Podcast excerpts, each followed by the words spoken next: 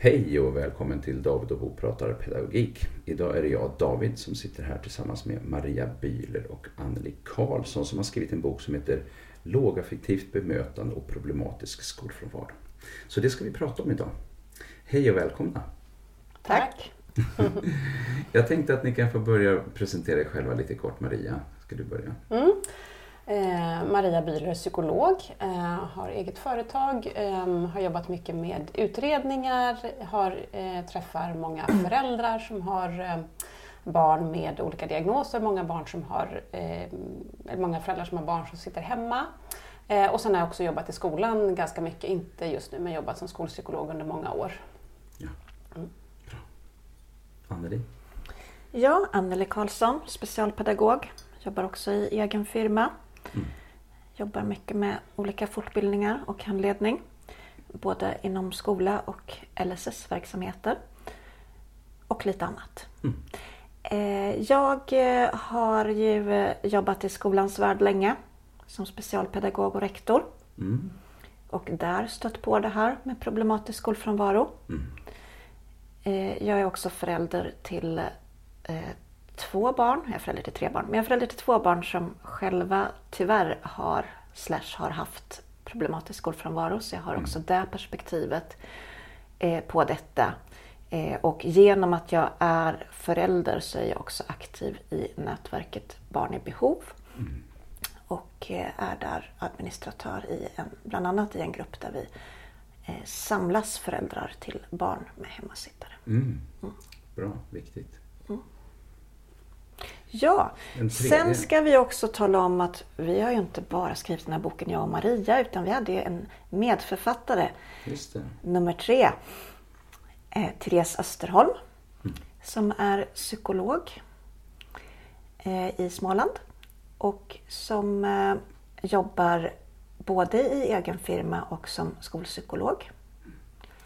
Och hon kunde inte vara med idag. Nej, precis. Mm. Och eh, vi tre träffades egentligen genom vårt intresse för lågaffektivt bemötande från början. Just det. Mm. Och ni har ju med det i titeln också. Mm. Eh, eh, vi kan börja så här bara helt enkelt. Varför kändes det viktigt att skriva den här boken? Vi började ju, var det 2000 16 vi började, då fanns det ju väldigt lite. Mm. Vi satt ju utspridda, Therese i Värnamo, Anneli i Göteborg, jag i Stockholm och såg ju, eh, kom i kontakt med de här familjerna, de här barnen på olika håll i olika verksamheter och såg problemet men insåg att det finns så himla lite skrivet. Mm. Ehm, så det var väl mycket utifrån det som vi kände behovet av att skriva den här boken. Mm. Ja, precis. Och det är ju eh, en, man har ju satt fingret på det här mera. Det var en statlig utredning och eh, där kom det också en bok. Så det kom ju faktiskt några stycken i samma veva lite grann sådär. Men, men man fick upp frågan på dagordningen i större utsträckning. Eh, vad beror det här på? Att man har uppmärksammat det mer eller att eh, båda, båda, båda delarna. Att problematiken kanske har ökat har vi mm, sett mm. Eh, och att man uppmärksammar det mer.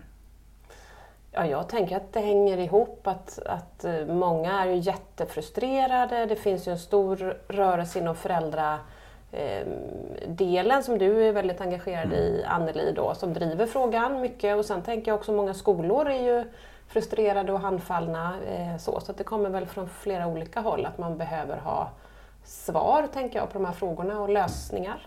Mm. Så. Ja.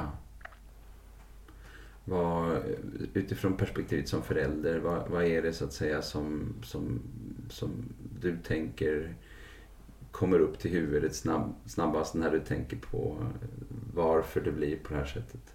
Att man inte längre går till skolan som barn. Att kravnivån blir alldeles för hög. Mm. Att man har så pass mycket saker som belastar en på grund av oftast en neuropsykiatrisk funktionsnedsättning. Och man håller ihop och kämpar jättelänge. Eh, och får ju i allmänhet en hel del anpassningar i skolan, men man kanske inte får rätt anpassningar. Eller så får man inte tillräckligt mycket. Så under lång tid så blir man mer och mer utsliten. Mm. Och sen uppstår det ju i princip en utbrändhet. Mm. Så man kan säga att eh, många av de här barnen eh, har lite det som vi ser hos vuxna, att man under en lång tid har haft stresssymptom och sen leder det till eh, en, en, en, det här att det helt enkelt är omöjligt att fortsätta gå till skolan därför att det drabbar en negativt. Mm, precis. Sen om jag tittar utifrån mitt professionella perspektiv så tänker jag att där har vi en del av den problematiska skolfrånvaron. Sen har vi också det som jag tycker att skolor har blivit lite bättre på, i alla fall börjat fundera runt, det är hur vi kan rädda dem innan det händer. Mm. Hur kan vi uppmärksamma att det är på väg åt det hållet? Mm. Vilka är så att säga riskzonen för det här? Eh, och vad kan vi göra innan? Det. det. är inte det alltid man lyckas, mm. men att man i alla fall försöker. Mm. mm. Det, det, är att komma in i det förebyggande, komma in tidigt. Mm. Tycker du att du får komma in i tid, Maria, när du träffar dina familjer? Nej, ja, det är ju glädjande att höra Anneli att du ser, för jag ser det ju inte från mitt perspektiv. Utan, men då, då, just nu får jag också mycket föräldraperspektivet mm. där jag har föräldrar då som jag tycker gör jättemycket och försöker anpassa och ha en konstruktiv dialog med skolan men där jag tycker att ganska många blir faktiskt motarbetade. Mm. Och där jag kan höra i mitt psykologhuvud och liksom när man jobbar mycket med anpassningar hur man hade kunnat lösa det med ganska enkla medel, kostar inte jättemycket pengar. Så, men, men där skolor nej, inte gör de där sakerna som man skulle behöva göra i tid. Mm. Så. Som du då ser kanske inte är så då jättesvåra men det kräver någon slags kompetens och förståelse eller hur ska man tänka kring det där? Absolut kompetens och förståelse, det är ju basen. Absolut. Mm. De, de liksom värsta exemplen som jag får höra om, där har man ju inte liksom, till exempel autismspecifik kompetens. Det är ju mycket autism i den här gruppen, men mm. neuropsykiatriska funktionsnedsättningar i stort. Men sen så tycker nog jag, ju mer jag jobbar med det, så handlar det väldigt mycket om flexibilitet, mm. kreativitet och tålamod. Mm. Man måste hålla i, man måste ha personer som är dedikerade, som finns över tid och man måste kunna tänka lite utanför boxen. Mm. Kunna ta sig hem till familjerna i ett tidigt skede och inte göra jättestor apparat av det. Se mm. liksom det här, var hittar jag lusten hos den här eleven? Vad ja. är det som Mm. motiverar henne just nu lite grann. Mm. Det mm. tänker jag är helt avgörande. Så. Just. Mm. Så tänker jag också utifrån de enskilda fallen som man får till sig så är det ju Alltså det är ju mer sådana här fruktansvärt tragiska historier nu än för fem år sedan, definitivt. Eh, utan det jag menar är att skolorna behöver börjar organisatoriskt titta på detta med närvarouppföljningen. Och det tycker jag har varit efter den statliga utredningen och också en liten skärpning i lagen att man har mer koll på det och faktiskt identifierar och ser tidigt mm. om man börjar jobba med närvarotrappor och systematiserar det lite. Och det är där jag tror att man kommer kunna hindra en del fall för att det ska bli mm. så här. Men absolut inte alla. För när man gör det så gäller det ju inte bara att identifiera, sen är det ju ett massivt arbete. Mm att göra någonting åt den situationen som gör att det blir så problematiskt. Mm, men det är glädjande att se att man i alla fall tittar på närvaron och förstår det här att en viss närvaro är ett stort eller en viss frånvaro är ett stort utropstecken och mm. att det ofta leder till omfattande frånvaro och att mm. man måste börja i tid. Eh, det tycker jag att skolor har blivit mycket bättre på faktiskt bara de senaste tre åren i allmänhet. Men det är också så att problemen har ju ökat under den perioden. Man kan fundera på vad är det då för att eh, eh Lgr 11 kom 2011 eh, mm. och det är ändå ett tag sedan nu, det är typ nio år. Mm. Vad är det som ändå gör att, man, att ni tänker att saker och ting har skett, liksom, ja men att det kanske blev värre för fem år sedan liksom? Eller att det, alltså vad är det som Eh, vad är annorlunda nu jämfört med tidigare egentligen? Ja, men är det, jättesvår fråga, jag vet inte om jag kan besvara den, men är det inte sviterna av det ändå man ser nu? För det är ju någon slags nedmontering av alla de här särskilda undervisningsgrupperna som ju ändå skedde 2011. Liksom mm. Alexanderhugg så. I alla fall i Stockholm var ju alla de mindre grupperna bara försvann i princip. Nu har man insett att man behöver bygga upp det igen på vissa mm. skolor. Men Men det, det tar ju enorm tid och under tiden så har ju väldigt många elever liksom gått under, mm. tänker jag faktiskt. Mm. Och skolor har ju också Alltså det här är ju, jag menar, man träffar jättemånga frustrerade lärare och rektorer som också vill göra förändring men som också varit bakbundna, tänker jag, av, mm. av den här ideologiska drivkraften med inkludering och sådär som det handlade om väldigt mycket ändå. Ja. Mm. Mm. ja, och det här var ju en kombination av Lgr 11 och förändringar i skollagen som skedde med ungefär ett års mellanrum. Och jag tänker också att det tar tid för en läroplan att sätta sig. Och de första åren så kanske inte alla lärare jobbar precis utifrån den utan man, man ligger kvar lite i den gamla. Det är helt naturligt att det blir så. Det är alltid en mm. implementeringstid. Men sen framförallt så ser jag ju dels att det här att man har gått vilse i, i begreppen vad inkludering är. Mm. Eh, och sen är det ju ett eh, jättestort bekymmer med de extrema nedskärningarna som vi har i skolan mm. och i, eh, inom BUP. Och alla, alltså även stöttande insatser inom socialtjänsten och LSS för de som är, har, tillhör LSS målgrupp. Just det. Alltså vi har så mycket nedmontering i samhället nu. Och det är det vi ser ett spår av till väldigt mm. stor del. Så man kan säga att det finns också en kombination av eh, olika faktorer som eh, delvis har med skolan att göra men också andra ja. delar av samhället. Och sen behövs det ju också en, en kunskapshöjning mm. eh, överlag. Både i skola och i andra verksamheter. Kind gjorde sin undersökning och pratade om att det var ungefär 75 procent av lärarna som upplevde att de inte hade kompetens att ta hand om eh, just den här NPF-gruppen. Då. Mm. Eh, det är ju ändå väldigt eh, avgörande. Nu har man ju då sagt att specialpedagogerna ska lära sig mer, man ska ha 15 HP och man ska ha mer in i lärarutbildningen. Och du som med lärarbakgrund Anneli, vad, vad tänker du kommer att förändra situationen? Jag tänker äntligen ja. att det kommer. Mm. Eh, och sen så hoppas jag på en extrem kvalitet på de här momenten. Mm. Så att det kan ge så maximalt som möjligt. Mm. Eh, där tänker jag att, mm. att det kan göra skillnad men det kommer att ta jättelång tid innan alla lärare av den generationen så att de har fått den kursen. Och att, de också, att kursen är upplagd på ett sådant sätt så att det Eh, att den intresserar och engagerar så mycket så att man kommer till den här biten att man får en kunskapshöjning mm. som leder till en förståelse, som leder till en flexibilitet mm. utifrån varje elev. För det är där vi måste till. Eh, och det är min absoluta förhoppning. Men jag är inte säker på att man kommer lyckas med det. Och jag är inte säker på att man kommer lyckas med det på alla lärosäten. Mm. Nej. Mm. Men det behövs någonting där som, eller det behövs väldigt mycket för att man ska få till det där på ett bra sätt. Man måste jobba ihop sig ordentligt och tänka vad är viktigt att ha i praktiken. Ja, och sen är det ju också så här att lärare har ju mer och mer begränsat med tid mm. För att utföra samma uppdrag. Och ibland så är det ju så att vi har en lärare som kan det här jättebra. Mm. Men den fixar faktiskt inte det här för att den kanske har fyra elever som skulle behöva väldigt mycket extra saker mm. i klassen. Mm. Och sen har den fem som skulle behöva lite grann. Och sen har den de andra också. Mm. Man kan komma långt med att jobba med tydliggörande pedagogik till exempel. Men vissa behöver ett mindre sammanhang. Och då spelar det inte så stor roll hur mycket kunskap som klassläraren har mm. i de fallen. I allmänhet så är det klart att kunskapen gör nytta. Ja, så är det ju förstås.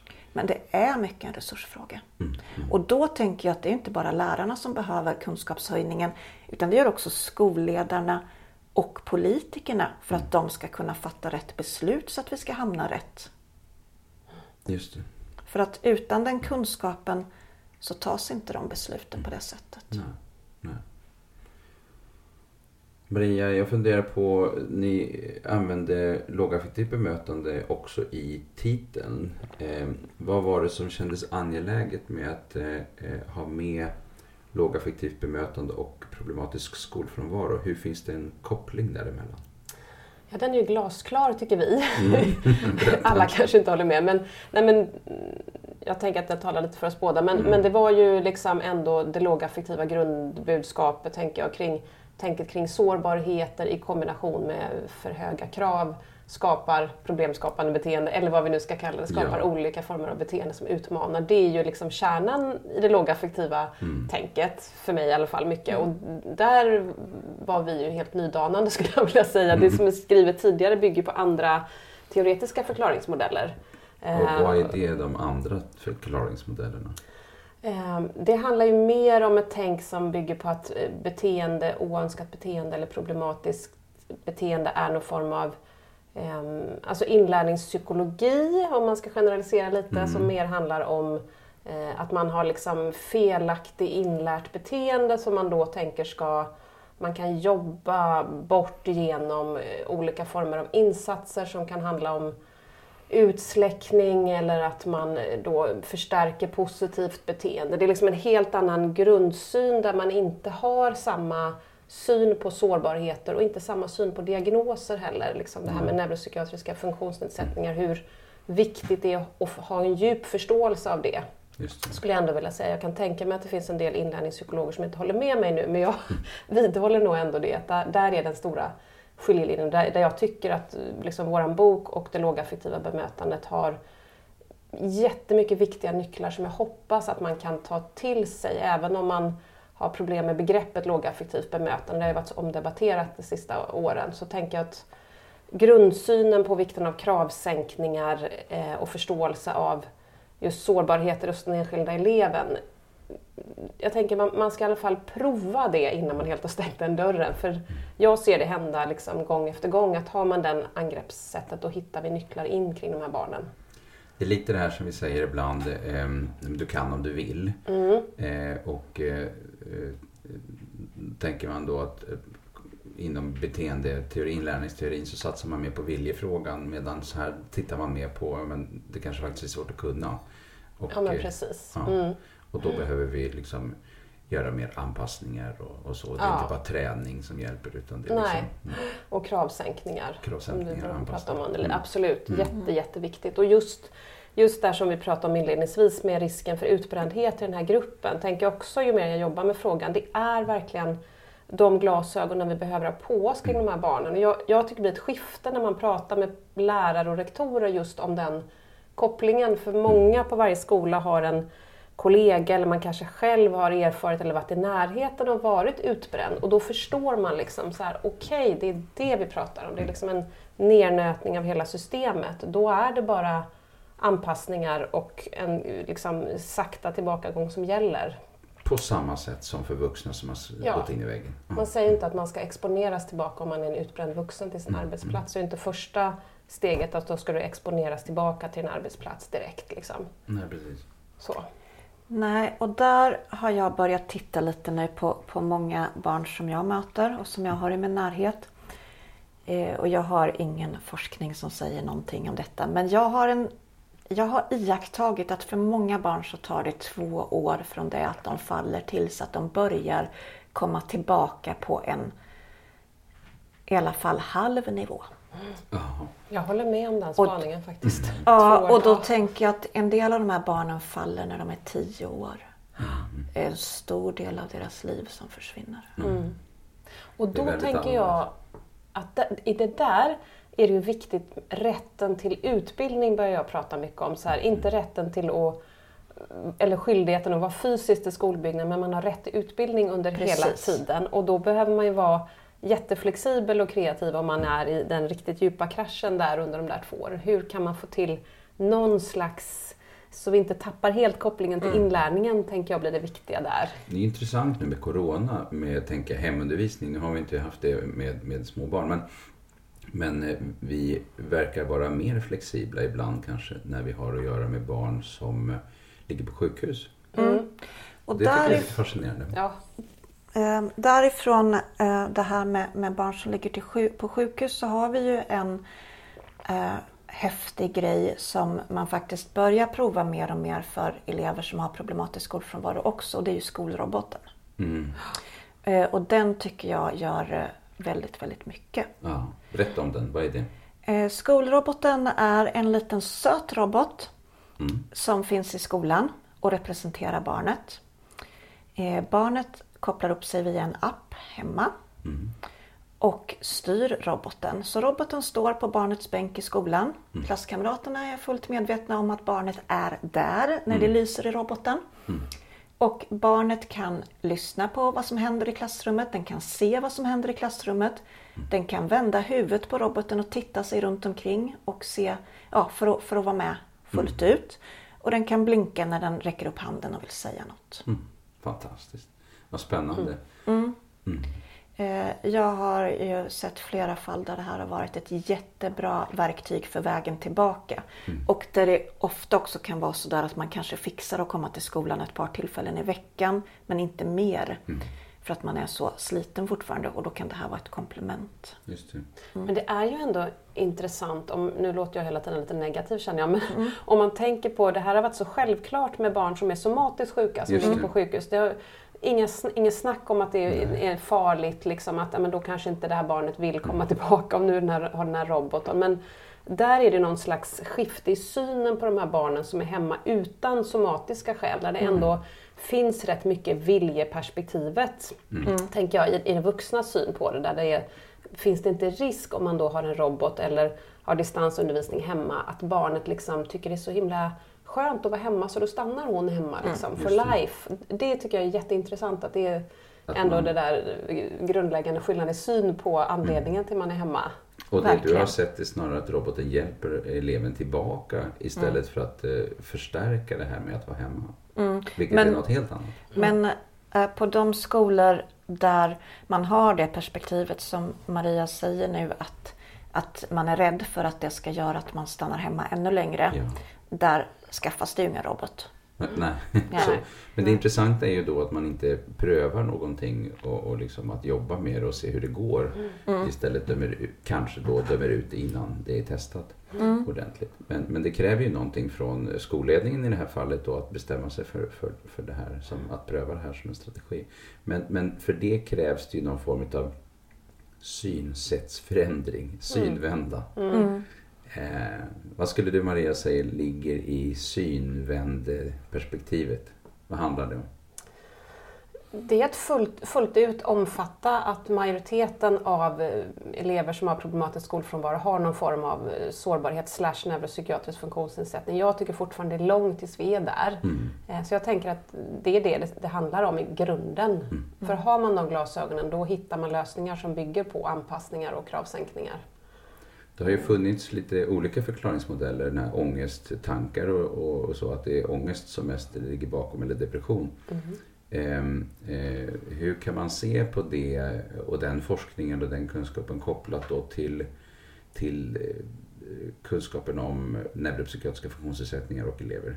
Med problematisk ja, men Det där är jätteintressant tycker jag just nu där vi står i, i diskussionen. För en, en, en forskare som lyfts upp mycket det är Christopher Kearney som har mm hög status inom området och forskat mycket. En, en liksom erkänd forskare som är jätteduktig och kan jättemycket om eh, problematisk skolfrånvaro. Men han är ju amerikan och hans forskning bygger på eh, amerikanska studier från amerikansk grundskola där inga elever med autism går till exempel. Nej. Det är bara neurotypiker. Mm. I alla fall inga, inga elever med autism. Och hela den forskningen Eh, går ju inte att liksom applicera rakt av på svensk skola där vi idag har en stor grupp elever med autism och det är ju de som vi ser en efter en slås ut. Eh, och hans forskning bygger ju på just eh, ångesthypotesen som beskriver om i vår bok också, att, man, att det är ångest i sig som gör att man inte orkar komma till skolan och då behöver man ångestexponering. Det som vi lyfter fram i vår bok och som jag fortfarande håller fast vid det är att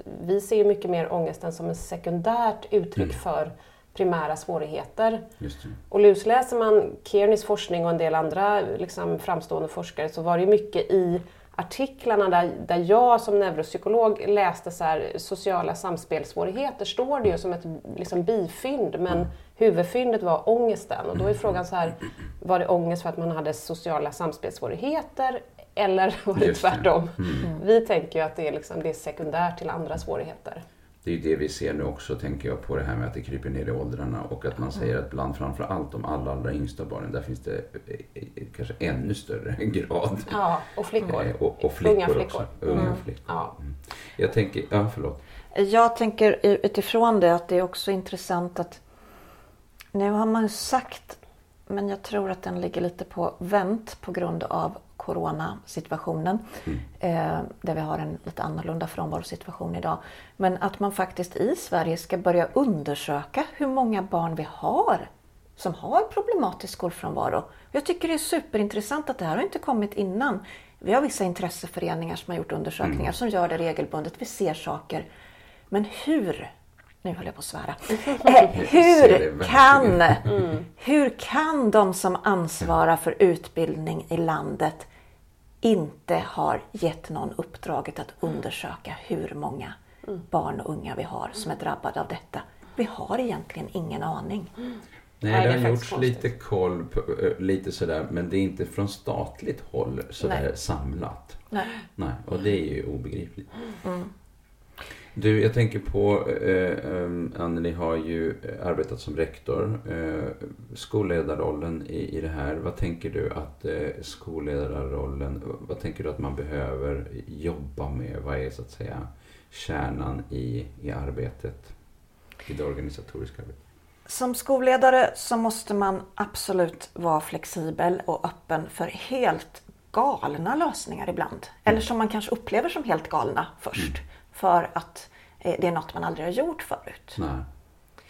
Eh, Jag tänker att man måste liksom öppna för att ja, men här kanske jag behöver avsätta resurser för att en person ska åka ut och segla med den här eh, personen eller gå med den här personen till stallet eller gå till gymmet. Alltså, eh, eller att här måste vi faktiskt ljudisolera det här rummet för att det ska funka och bli ett rum för återhämtning. Vi måste avsätta resurser och vi måste göra eh, väldigt mycket utanför boxen saker. Men skolledarens roll är också att se till att varken elevhälsoteamet eller lärare sitter och gissar. Vi kan aldrig hålla på och gissa. Vi kan inte tänka att ja, men förra året så hade vi Emilia som det var så här för och då tog vi den här lösningen. Så då kan vi säkert göra likadant med Robin som har, har de här problemen nu. För det måste göras anpassningar individuellt. Vi måste kartlägga. För annars kanske vi kastar en massa resurser på något som inte har någon som helst effekt för den här Robin. Får jag flika in det? För det, det tänker jag också är typ det viktigaste, tycker jag nu. Så här, kartlägg, kartlägg, kartlägg. Ja. Gör det direkt och gör ingen stor grej av det. Ibland blir det så här pedagogiska kartläggningar och man ser något rätt plågat i pedagogers ögon när man nämner pedagogiska kartläggningar för det är ett stort instrument. Men gå ut och observera, skriv ner så här. Eh, Sara ser orolig ut på idrotten. Eh, på rasten så vet hon inte riktigt var hon ska vara. Det liksom behöver inte vara rocket science. Det, Gå ut och titta, prata med kollegor, kartlägg och gör det kontinuerligt tänker jag är liksom nyckeln i, kring de här eleverna. Jag funderar på eh, också det här med, ibland så säger vi att vi vuxna pratar lite för mycket till barn och lite för lite med barn. Är det ett problem? Absolut. Sen, sen i en hel del av de här ärendena, i alla fall som jag tänker på spontant, så har ju barnen själva svårt att kanske sätta ord på det. Så då kan man ju behöva också jobba med samtalsmattor, olika stöd för pratet, ritprat och sånt där. Det är, det är kanske inte alla som jobbar med det på alla skolor, men sen är det ju föräldrar, vårdnadshavare. Plocka in dem, lyssna på dem och hör vad de säger och ta det på största allvar, skulle jag säga. För där finns det jättemånga nycklar. Och jag tänker också utifrån kartläggningen som man då absolut har med vårdnadshavare och i den mån det är möjligt eleven själv i. Att man också, alltså man måste vara noga med det här att man kartlägger både styrkor och sårbarheter. Det här skriver vi om mycket. Och det tycker jag är jätteviktigt för att det blir inte bra om vi bara ser sårbarheterna för då vet vi inte vad vi ska göra istället. Och vi kan samtidigt inte välja bort dem helt. Vi måste titta på hur vi kan kompensera för dem men samtidigt måste vi se styrkorna. Och där har ju vi också ett viktigt perspektiv med i boken tycker jag utifrån eh, det lågaffektiva bemötandet. Eh, för där har vi ju med PERMA-modellen. Som just jag det. tycker är en framgångsfaktor när jag jobbar på skolor och har uppdrag runt elever som har eh, den här problematiken. Vad är PERMA? PERMA är positiv psykologi bara det tycker jag låter härligt. Mm. Ja. Eh, det blir man liksom glad av att man kan jobba med det positiva. När vi jobbar med PERMA så undersöker vi hur vi kan göra goda fina stunder runt en elev. Eh, där vi jobbar med att man ska få stunder eh, där man känner in saker ifrån alla de här olika bokstäverna i PERMA eftersom det är en förkortning. Där man känner in det här positiva, där man känner engagemang, mm. där man har goda relationer, där man gör meningsfulla saker och där man uppnår saker. Mm. Eh, och det är ju inget som jag kanske kan förklara mer ingående här hur man gör på två minuter. Men det är inte så svårt. Eh, och det går att göra i många olika sammanhang. Och det brukar bli så gott. För att det som blir så gott är att när en arbetsgrupp också får jobba med PERMA så blir det mycket lättare. För det är mycket lättare att jobba med saker eh, som är konkreta och med saker som där man jobbar mot det positiva mm. istället för att försöka jobba bort det negativa. Mm. Som, och försöka jobba bort det negativa är ju oftast inte gynnsamt, det vet vi. Utan vi måste istället förstärka det positiva. Mm. För då får vi det andra på köpet. Eh, så det är ju en fantastisk modell tycker jag. Man får ju ganska snabbt resultat tänker jag också hos barnet ja. om man då kommer på att ja, men hon gillar just det här och så slänger man in lite mer av det. Då så ser man ju ganska fort en förändring och liksom en, den här lilla glimten i ögat börjar komma som man ofta kanske inte har sett på ett tag. Så det blir också förstärkande både för barnet och för mm, vuxna som jobbar med perma. Det är jättebra verktyg verkligen, jag håller med. Mm. Och den här kartläggningsmodellen som vi har i boken är superlätt att börja använda. Den är ju mm. i princip självinstruerande faktiskt. Ja, och det är ju väldigt viktigt tänker jag när man jobbar, som när man sitter i ett elevhälsoteam och jobbar, eh, så är det ju det här att får man en modell man ska jobba efter som är stor och svår och omfattande, då blir det ju det här som du pratade om innan mm. Maria, att det känns så jobbigt. Så då kanske det tar lång tid innan man känner att jag har tid att börja. För att en väldigt viktig framgångsfaktor, det är att ta tag i saker direkt. Mm. När det inte har, att det inte ska gå för lång tid. Ja. Mm. mm. För just ju efter liksom längre och längre tid utan kontakt så blir mm. det ju svårare och svårare. Mm. Mm. Jag skulle nästan vilja säga att så fort man hör ett barn börja säga att jag vill inte gå till skolan, antingen hemma eller i skolan, ta det på allvar direkt. Mm. Ta, ta, ta, det som att verkligen så här, oh, oh, här har vi en elev som kanske blir en hemmasittare. Jag, mm. jag tänker ja. mer och mer så liksom. Mm. Ja, och där tänker jag att man måste också, alltså både som skolledare men också som elevhälsoteam i stort, vara noga med att lyssna in det här. Tala om för klasslärarna, mentorerna att Tala om om man får sådana signaler från vårdnadshavare. Mm. Var noga med att fundera på vilka elever som ofta får ont i magen eller ont i huvudet. Och sen att man också tittar över fritidshemmet och ser till att man får information från dem. Mm. För när det är så små barn som får frånvaro så börjar det ganska ofta ändra på fritids eller med idrotten. Mm. Just det. Mm. Tålamod sa du i början. Mm. Just det.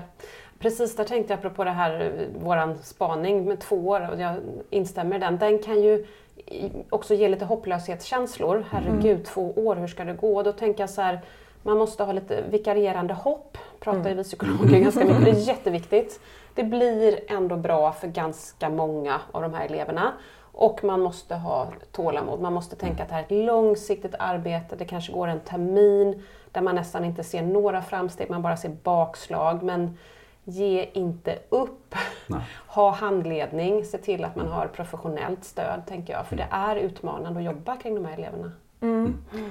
Och jag tänker som förälder så är det också så att man, man behöver ha eh, vissa hoppingivande saker. För det är ju jättejobbigt. Inte, inte bara är man oftast i någon slags konflikt med skolan för att man de inte gör tillräckligt och man har besvikelse över att de inte har gjort tillräckligt innan. Man har ju också barnet i sitt hem som är depressivt och mm. ibland till och med ett barn som är eh, med risk för suicid. Eh, vilket är otroligt jobbigt. Eh, och då behöver man tänka också att jo, men det kommer annat sen. Mm. Jag tänker att jag ändå följt en del barn och unga som har som finns på högskolan nu. Det fungerar jätteväl. går man ut utan, fullt, utan fulla betyg och så här. Det finns insatser som görs och så finns den underbara skolformen folkhögskolan. Ja.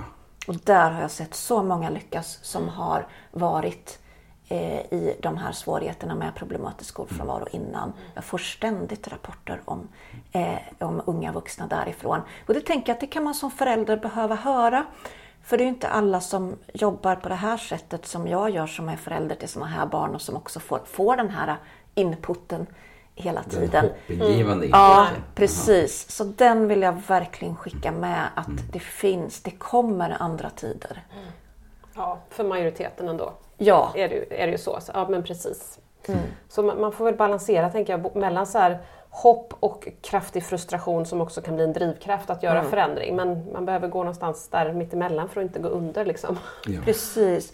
Och där vill jag också slå ett slag för det här att liksom ha kontakt med andra föräldrar om du är förälder i den här situationen. Mm. Eh, vi ser ju hur, det är också ett sätt att se hur, hur den här problematiken ökar. Att jag ser ju hur många varje vecka som söker in till Facebookgruppen med barn i mm. behov hemmasittare. Det är, en, alltså det, det, är så många. Men det är också väldigt många som skriver där och säger Åh vad skönt att jag har hittat er. Mm. Jätteviktigt, verkligen. Ja, för man får stöd och man får också ja. det här och kan känna att att oj, jag trodde att det var liksom mitt fel att det blev mm. så här. Eller, ja, mm. Man, lägger, alltså man, man får mycket på sig som förälder i de här lägena. Mm. Vad är det mm. mer föräldrarna skulle kunna behöva? Eh, mer än just kontakten med andra genom Facebookgrupper? Jag tänker på att du jobbar mycket med föräldrar.